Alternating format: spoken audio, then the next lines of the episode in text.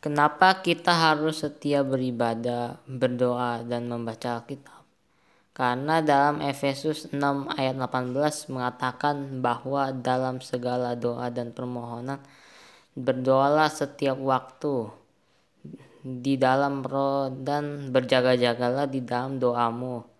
Itu dengan permohonan yang tak putus-putusnya untuk segala orang kudus.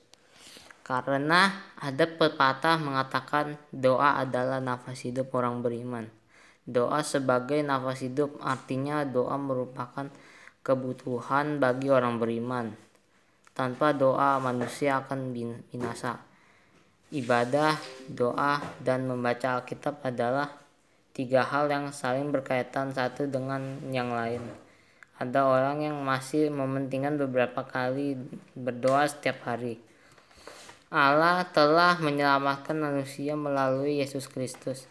Dalam pembahasan di kelas sebelumnya ataupun pada jenjang SD, sudah ada pembahasan mengenai apa makna ibadah, doa, dan membaca Alkitab. Namun, dalam pelajaran ini penting untuk ditegaskan kembali mengenai makna ibadah, berdoa, dan membaca Alkitab ada pemahaman yang menyatakan bahwa ibadah tidak hanya bersifat formal, namun ibadah juga mencangkup seluruh sikap sikap hidup manusia.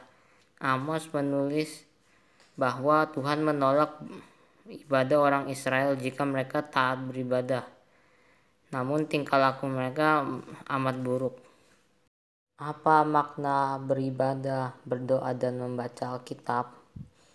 Petrus pernah berkhotbah pada hari Pentakosta dan telah menyebabkan banyak orang bertobat dan dibaptis dalam nama Yesus.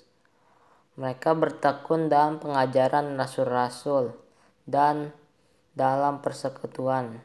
Salah satu cara penting dalam memelihara imam adalah melalui ketekunan dalam beribadah, berdoa, dan membaca Alkitab.